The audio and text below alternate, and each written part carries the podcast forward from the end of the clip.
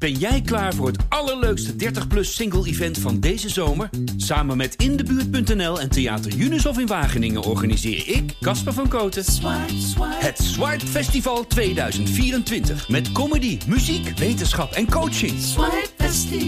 Maar vooral heel veel leuke mensen. Bestel nu je kaart op swipefestival.nl. Swipe, swipe.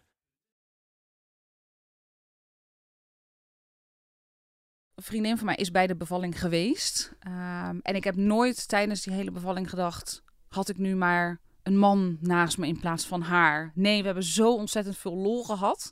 eh, tijdens de hele eh, bevalling. Dat, dat, dat ik denk, ja, misschien is er nog wel intenser aanwezig geweest dan een man die misschien helemaal hulpeloos niet weet wat hij moet doen.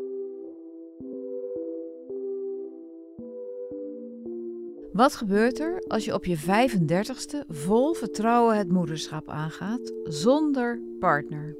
In het geval van Mirjam betekent het dat haar geluk niet op kan.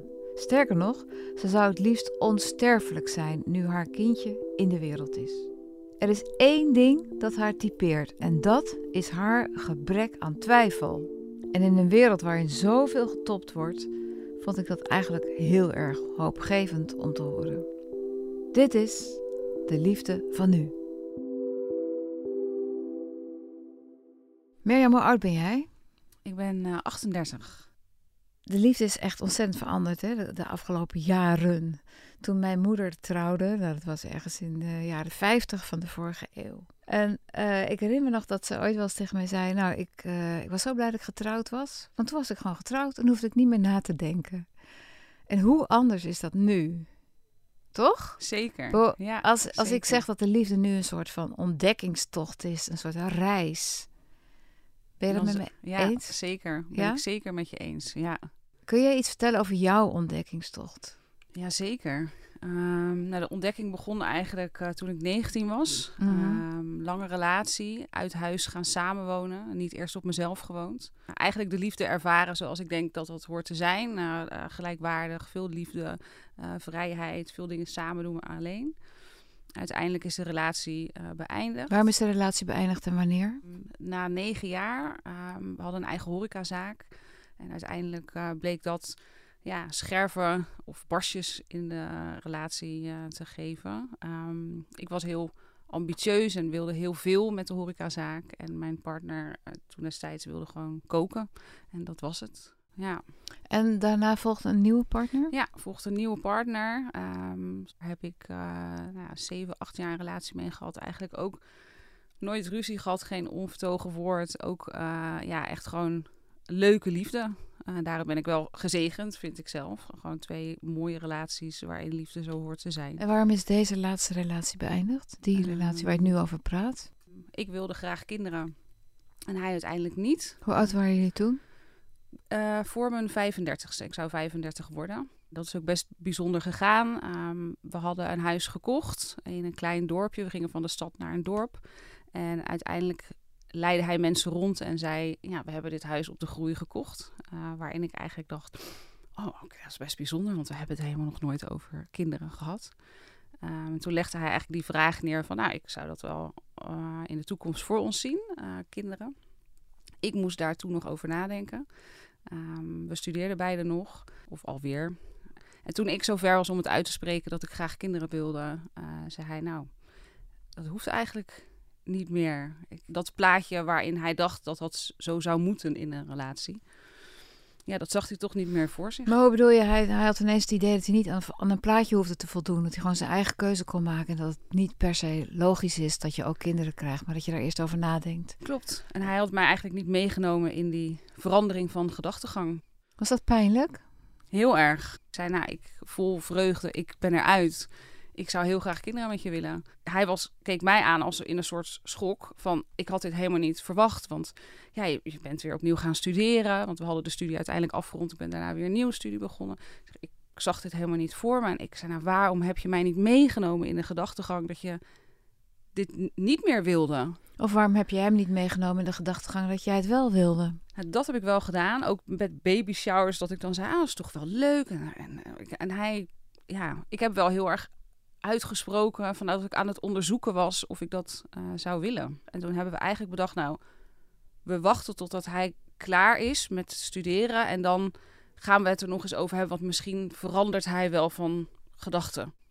En toen uiteindelijk uh, was het op een zondagochtend. En toen was hij net naar een feestje geweest de zaterdag. En hij vertelde van vrienden die nog een kindje zouden krijgen. En toen zei ik, ja, gaat het bij jou echt niet kriebelen?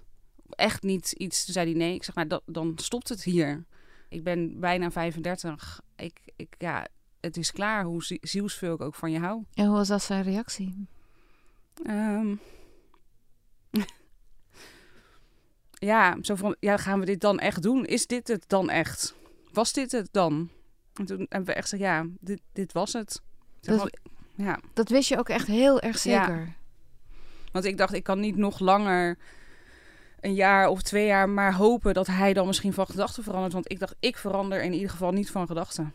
Je moet ervan huilen? Ja. Had ik niet verwacht. Nee. Waarom? Het is een soort rouwproces wat je ingaat, omdat je uit elkaar gaat als je nog van elkaar houdt. Uh, misschien dat dat dan ergens nooit is afgesloten. Uh, terwijl ik heb echt een super mooi leven en ik ben zo content met het mini-gezin wat ik nu heb. Maar het is gewoon, ja, als je denkt dat dat uh, de liefde is, zoals dat het hoort te zijn, en dat dan zoiets, um, ja. En heb je een moment gehad dat je dacht van, oh, ik heb een verkeerde beslissing genomen. Ik hou zoveel van deze man, ik kan niet zonder deze man. Um, nou, het heeft wel, het proces van afscheid nemen heeft lang geduurd, maar ik heb nooit gedacht, ik wil hem terug. Of ik dacht gewoon, ja, er is geen toekomst, ik wil een kind. En hij weet het niet of wil het niet. Ik denk ook door de stappen die ik dan nu weer heb gemaakt, dat ik denk, ja, daar had hij nooit meer naast gepast. Jij liep verder, jij liep harder. Ja. Net als eigenlijk met die man daarvoor. Jij liep verder, jij liep harder, want jij wilde die zaken, je wilde ambities. En die man die dacht, laat mij maar koken. Deze man dacht, nou, het is wel prima zo. Ja. Ben je verder gaan lopen? Ja, ik heb um, eigenlijk me meteen ingeschreven uh, bij de donorbank. Uh, bij het ziekenhuis, waar ik wist dat de wachtlijst ongeveer anderhalf, twee jaar was. En ik dacht, en die tijd, ik heb geen haast, geeft mij de ruimte om uh, mijn vrijgezellenleven te ontdekken. Maar ook om het rouwproces in te gaan van iemand waarvan je nog wel houdt, maar uit elkaar bent. En je wist zeker dat je dan uh, dat kind in je eentje wilde en niet even heel snel op zoek ging naar een andere man? Nou, dat wist ik toen niet, maar ik dacht wel, ik schrijf me in. En als er in die anderhalf jaar, twee jaar iemand voorbij komt uh, waarmee ik wel een kindje zou willen, dan kan dat altijd. Uh, maar ik wilde in eerste instantie een kind met hem. En om dan te bedenken dat je dat met iemand anders zou moeten doen, dat vond ik ook een rare, raar idee. Dus ik dacht, nou dan liever alleen. Um, en ik ben wel als een malle gaan daten, omdat ik dacht, ja, nou misschien kom ik die man wel ergens tegen. Maar uiteindelijk ook met het besef, ja, dan ga je je eigen ideaalbeeld van een man wordt steeds kleiner, omdat je eigenlijk een kind wil. En dan is het kind wordt dan een groter deel van waarom je aan het daten bent dan het perfecte plaatje waar je normaal geen concessies in doet. Wat stelde je voor bij een kind? Wat stelde je bij voor wat dat je zou brengen? Het, het beeld wat je zelf hebt, hoe leuk het leven is en kan zijn, om dat met iemand te delen en, en vanaf scratch te kunnen laten zien.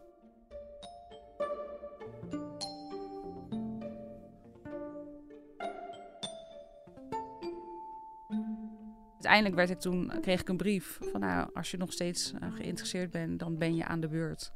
En toen dacht ik, ja, ik ga dit doen, want het voelt gewoon nog steeds hartstikke goed. En wanneer kwam die brief? Augustus 2021. Ja. Weet je nog dat je hem openmaakte? Ja. Waar was je? Vertel even. Ja, thuis. Ik maakte hem open. Ik was thuis. En toen dacht ik, ja, nu gaat het gebeuren. Je denkt daarna natuurlijk ook, het moet je ook gegeven zijn om kinderen te kunnen krijgen. Uh, dus daarna meteen bedacht, oké, ik weet niet hoe lang het traject gaat duren, maar ik geef mezelf een jaar. Uh, uh, en niet dat ik na dat jaar dan nog allerlei andere dingen ga proberen om ervoor te zorgen wel zwanger te worden. Um, want die verhalen zijn er ook genoeg. Ik dacht, ik probeer het een jaar. En daarna zijn er andere dromen om waar te kunnen maken als het me niet gegeven is. En wanneer uh, is de volgende stap? Wat houdt de volgende stap in? Je krijgt eigenlijk drie afspraken uh, met een ja, maatschappelijk werker. En de drie afspraken zijn niet zozeer om te testen of je rood of groen licht krijgt. Van ja, we, we doen het wel of we doen het niet. Maar het is meer dat ze een soort advies kunnen geven. Uh, stel dat je uh, geen baan hebt of je woont op een plek die misschien niet oké zou zijn voor kinderen. Dus een maatschappelijk werkster die vragen gaat stellen over wat doe je voor werk? Heb je er goed over nagedacht? Heb je een sociaal vangnet? Zijn je ouders? Wonen je, woont je familie nog dichtbij? En met een verpleegkundige uh, en met een fertiliteitsarts die dan vragen gaat stellen over je familiegeschiedenis. Uh, zijn er ziektes in de familie? En als dat eigenlijk allemaal oké is, als ze enige twijfel hebben over je medische kant, zou je nog een medisch onderzoek kunnen krijgen. Maar dat ja, was niet het geval. De volgende stap is eigenlijk, zij gaan op zoek naar een donor. Zij matchen eigenlijk alleen op uiterlijke kenmerken. dus je hebt niets te zeggen over, nou, ik zou graag blond haar, blauwe ogen of iets anders. Zij kijken naar je, je uh, gezicht en zij met ze alleen op uiterlijke kenmerken. Oh, je bedoelt jouw uiterlijke kenmerken? Ja, ja. en dan vragen ze, ze vroegen wel aan mij van, heb je voorkeur? En toen zei ik, nou, ik ben zelf half Nederlands en half Surinaams. Zeg, dat zou mooi zijn als dat er is. En je moet ook met hormonen spuiten en zo? Nee, Nee, als ze geen twijfels hebben over je vruchtbaarheid, dan hoef je dat eigenlijk niet te doen. En ze willen dat zo natuurlijk mogelijk. Van zeg ja, in het echt, als je een man en vrouw bent, begin je ook niet met hormonen. En dan probeer je het ook. En na een jaar kan je pas bij de huisarts terecht um, als, als je niet zwanger bent als vrouw. Hoe lang duurt het bij jou? Hoeveel pogingen heb jij gedaan? De tweede keer was ik uh, zwanger. Jeetje. Ja, dat, ja, en zo zo reageerde ik ook. Ik dacht, nou, ik had een jaar in mijn hoofd. Ik dacht, nou, gemiddeld is het een jaar. Dat zeiden ze daar ook. En hoe was dat voor jou? Geweldig. ja. Ik heb ook gelijk vriendinnen gebeld, zus gebeld. Uh, mijn moeder, mijn ouders uiteindelijk niet. Want ik wilde weten, ik wilde eerst zorgen dat het een soort van goed was. En die heb ik gewacht tot bij de eerste echo. Maar ik dacht echt, nou, wat geweldig. Miste je een partner op dat moment? Nee. nee. Verbaasde je dat? ik, denk, ik heb er helemaal niet zo bij stilgestaan van ik, ik mis nu iemand om dat mee te delen. Ik dacht alleen maar, oh, ik ben gewoon met z'n tweeën. Gewoon zo intiem, intens. Dat is ook zo, maar het is natuurlijk ook zo dat je, je hoort altijd vrouwen zeggen dat je gewoon met, met niemand zo kan genieten van je kind als met de vader van je kind. Omdat, ja, er zijn niemand, geen twee mensen die er meer van houden dan, dan Ja. jullie beiden. Heb je, dat, heb je dat ooit een moment in die zwangerschap gehad? Nee. Dat kan ik echt zeggen, heb ik niet. En ik denk echt omdat ik genoeg lieve mensen om me heen heb om dat wel mee te delen. Die ook gewoon zeggen, ja, je mag me ook echt midden in de nacht bellen en het maakt niet uit. En, ehm, Is dat nee. gebeurd? Heb je dat ook gedaan? Ja. Wanneer ja. heb je dat gedaan? Eh, nou, als ik bijvoorbeeld niet kon... Of een vriendin van mij is bij de bevalling geweest. En ik heb nooit tijdens die hele bevalling gedacht... Had ik nu maar een man naast me in plaats van haar. Nee, we hebben zo ontzettend veel lol gehad... eh, tijdens de hele eh, bevalling. Dat, dat, dat ik denk, ja, misschien is er nog wel intenser aanwezig geweest... dan een man die misschien helemaal hulpeloos niet weet wat hij moet doen. Eh, omdat zij wel al twee kinderen ook heeft, zelf heeft gebaard. Maar wat ik grappig vind aan jouw verhaal is dat eh, iedereen heeft het al, al- altijd over de maakbaarheid. En dan trekt iedereen er altijd een heel zorgelijk gezicht bij. Van iedereen doet maar alsof het maakbaar is. Maar het is natuurlijk, leven is natuurlijk helemaal niet maakbaar. Maar het leven is wel degelijk maakbaar als ik jou zo hoor. Ja, Dat is helemaal jou besteed, die maakbaarheid. eh. Ja, ik denk echt dat het leven maakbaar is. Ja, dat denk ik. Bij mij is dat in ieder geval wel zo gegaan. Ik heb een stip nodig op de horizon. Ik wilde een horecazaak. Er was een horecazaak. Ik ging weer opnieuw studeren. En dat heb ik gehaald. Ik wilde verder studeren. Ging ik ook doen. Met banen dacht ik, ik wil die baan hebben. En daar stip ik een route voor uit. En dan krijg ik ook de baan. Nou ja, krijg. Daar werk ik hard genoeg voor om dat dan te realiseren. Ik ehm, zit bij een, een, ve- een vereniging van andere bam, ehm, waar je heel veel verhalen hoort. Ehm, maar ook mensen die zich, zijn, die zich aan het oriënteren zijn op het worden van een alleenstaande moeder. En de vragen die sommige vrouwen hebben als het over oriëntatie gaat, dacht ik, "Ah, j- jullie moeten het gewoon doen. Ga dit gewoon doen. Je voelt dit, doe het. Hoe langer je erover na gaat denken, ik heb die fase helemaal niet zo lang en, en uitgebreid ervaren. Ik dacht gewoon, ik, ik ga dit doen en ik kan dit. Vertel eens even over de bevalling. Want je zei dat het zo'n feest was. Ja, ik dacht de baby komt vanzelf. Dus ik heb eigenlijk tot 41 weken en 6 dagen eh, zwanger rondgelopen. Maar had geen zin om te komen. Dus dan wordt het ziekenhuis ook een beetje nerveus en denkt, nou, voor 42 weken willen we toch eigenlijk wel uh, dat de baby. Dus we gingen, ik en een vriendin van mij, het ziekenhuis in zondagochtend. En ik ging naar heel... Ik had echt zelfs wijn en kaas en worst en de muziekbox. Ik had alles mee. Ik, was er, ik dacht, nou... En dan kom ik wel op zondagmiddag het ziekenhuis uit met baby.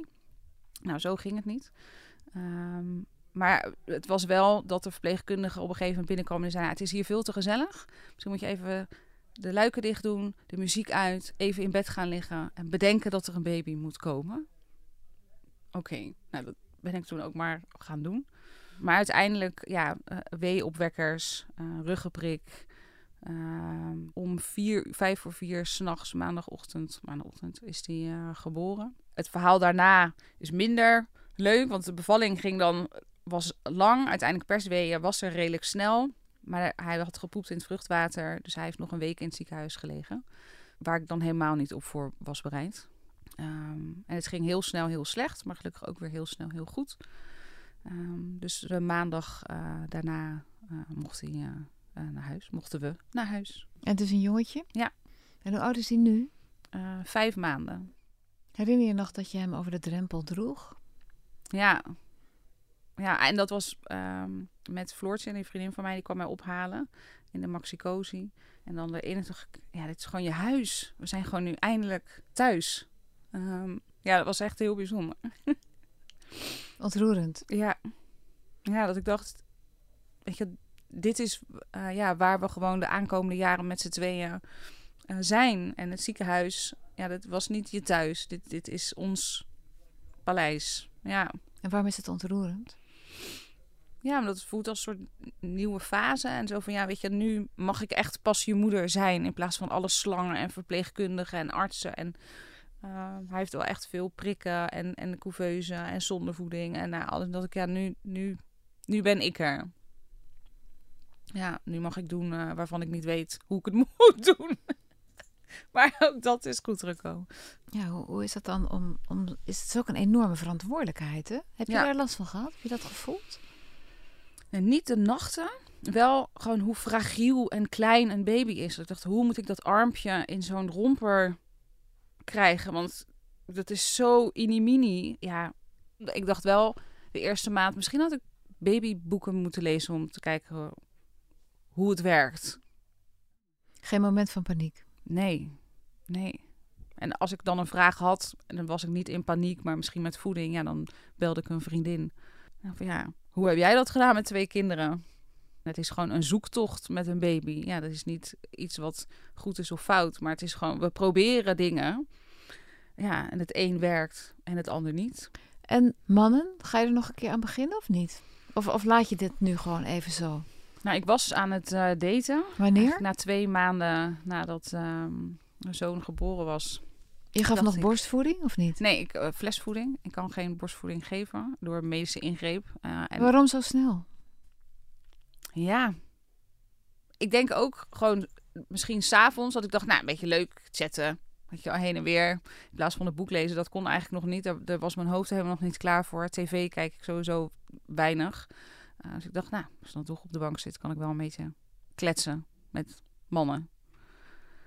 Um, dus een beetje heen en weer geswiped. Um, en uiteindelijk um, een hele leuke man geswiped. In mijn verlof uh, nog op date geweest. Super leuke man. Eigenlijk waarvan ik dacht, nou, waarom ben ik jou niet tegengekomen? Voordat ik uh, zwanger was en een kind had.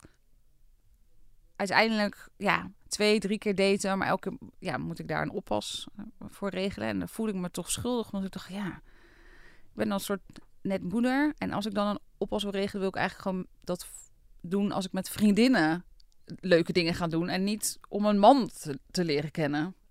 Dus ik voelde me schuldig aan mijn moeder. En had ik het eerst niet verteld. En daarna heb ik het toch maar opgebiecht.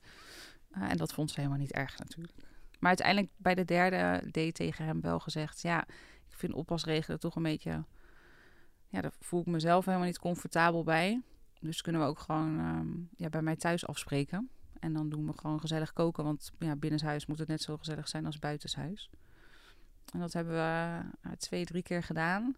Uh, waarin die eerst nou, mijn zoon Eli niet heeft gezien. De derde keer uh, wel. Um, en toen was hij weg en toen dacht ik... Ik vind dit toch helemaal niet zo'n goed idee. En niet omdat hij dat was, maar gewoon omdat ik dacht, ik heb besloten om dit in mijn eentje te doen. Dan moet ik straks mijn zoon gaan delen en mijn aandacht verdelen. En vriendinnen gebeld, uitgelegd. En die zeiden ook, ja, het is gewoon te snel. Weet je, dit, dit is helemaal niet, nou, niet zo van dat het niet oké is. Maar ik zeg, ja, ik ben hier nog helemaal niet aan toe. Uh, het voelde gewoon helemaal niet goed. Waarom deed je het dan? Misschien omdat ik dacht, nou, je hebt um, Mirjam de vrijgezel en je hebt Mirjam de moeder. En dat leeft soort naast elkaar. Dat denk ik nu. Dat, nou, ik kan best met iemand daten en dan kan ik daarnaast ook nog moeder zijn. Terwijl het is gewoon één leven. Um, Moederschap slorpt je op, bij wijze van nou, spreken. en dan helemaal niet in de negatieve zin. Maar ook omdat ik zelf gewoon nog moet wennen aan het moederschap. En is het ook is het niet benauwend dat je zo'n kind gewoon voor altijd hebt? Nee. Nee. Ik denk stiekem nu, oh, als ik er nou nog één... Oh, ik vind het zo leuk. Ja. Ja, helemaal niet benauwend. Ik denk echt, oh, er zijn zoveel mooie dingen in de wereld die ik hem zou willen laten zien, weet je wel. Dan denk ik, het, het is bijna vervelend als ik denk, oh, ik heb gewoon niet het eeuwige leven, want het zou zo leuk zijn als ik zijn hele leven er zou kunnen zijn. dus het is zeker niet benauwend dat ik denk, oh, hij is er mijn hele leven. Nee, ik denk, oh, het zou leuk zijn als het ook andersom zou zijn. Noem eens het mooiste moment van de afgelopen week met je kind. Nou, eigenlijk is, is dat elke ochtend. Hij slaapt nog bij mij op de kamer in de wieg. Ehm, en als ik s morgens het licht aandoe, dan zie ik gewoon een heel blij ei in de wieg. Die al wakker is met grote ogen, die lacht. En denk, nou, ik ben helemaal klaar voor de dag. Dat hij net zo geniet als het begin van de dag, als dat ik denk, we zijn weer begonnen met z'n tweeën. Ja.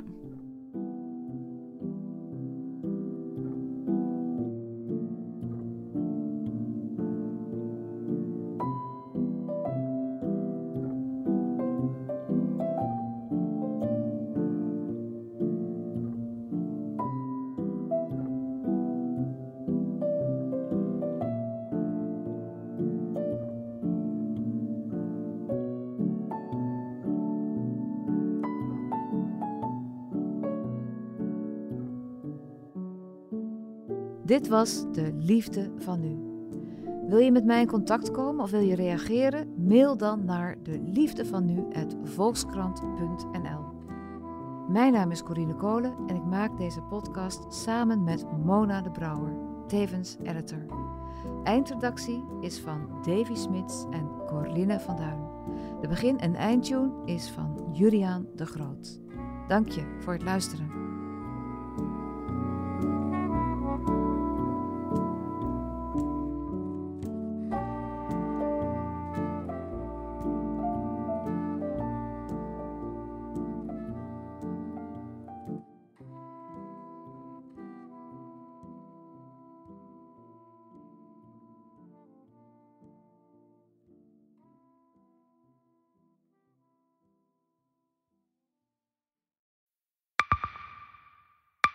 Zijn leven is overhoop gegooid. Plus dat heel veel mensen hem niet geloven. Vrienden niet, die, die denken, ja, hij is gewoon gek geworden. Hoe naar moet dat zijn? Als je vertelt over de meest indringende ervaringen uit jouw leven en niemand gelooft dat je het echt hebt meegemaakt. Ja, ik vind zelf niet dat ik het verzonnen heb, maar sommige mensen denken dat wel. Maar hoe kom je erachter of jij je doelwit bent van een geheime dienst? Ik heb ook wel eens meegemaakt dat je het idee hebt dat inlichtingdiensten in je geïnteresseerd zijn. En dan kun je wel heel veel zien, wat er misschien helemaal niet is. Als ik s'avonds nog iets ging eten, dan volgden die mensen mee naar het restaurant. En dan terug van het restaurant naar het hotel. Als zij op een gegeven moment zei, kijk maar uit, want anders word je dadelijk nog wat voert ook. Shit, ik moet hier weg. Dat is, dat is niet goed. Nu word ik gevolgd. Een soort Truman Show is het gewoon, hè? Alsof dat hele straatbeeld voor jou is ingericht. Maar dan wel met bedoeling jou niet door te laten. Dit kan geen toeval zijn. Een nieuwe podcast van de Volkskrant. Mijn naam is Simone Eleveld en samen met Huid Modderkolk ontrafel ik een bizarre operatie van de geheime dienst. Wat het doel ook is, jij verliest het. Ik werd opgepakt, heel lang ondervraagd. Maar hoe krijg je grip in een wereld die zo onderzichtig is? Als je zou liegen, dan zou je niet de meest relevante informatie twee jaar later tussen neus en lippen doorvertellen. Er zal nooit iemand zeggen: Oké, Bart, ik geloof je. Nooit, nooit. Dit kan geen toeval zijn. Vanaf 3 oktober bij de Volkskrant. Ik weet niet of ik ook alles kan vertellen. Het is echt te bizar. Wat? Ehm, ja. Ben jij klaar voor het allerleukste 30-plus single-event van deze zomer? Samen met Indebuurt.nl en Theater Junushof in Wageningen organiseer ik, Casper van Koten, het Swipe Festival 2024. Met comedy, muziek, wetenschap en coaching. Maar vooral heel veel leuke mensen. Bestel nu je kaart op swipefestival.nl. Swipe, swipe.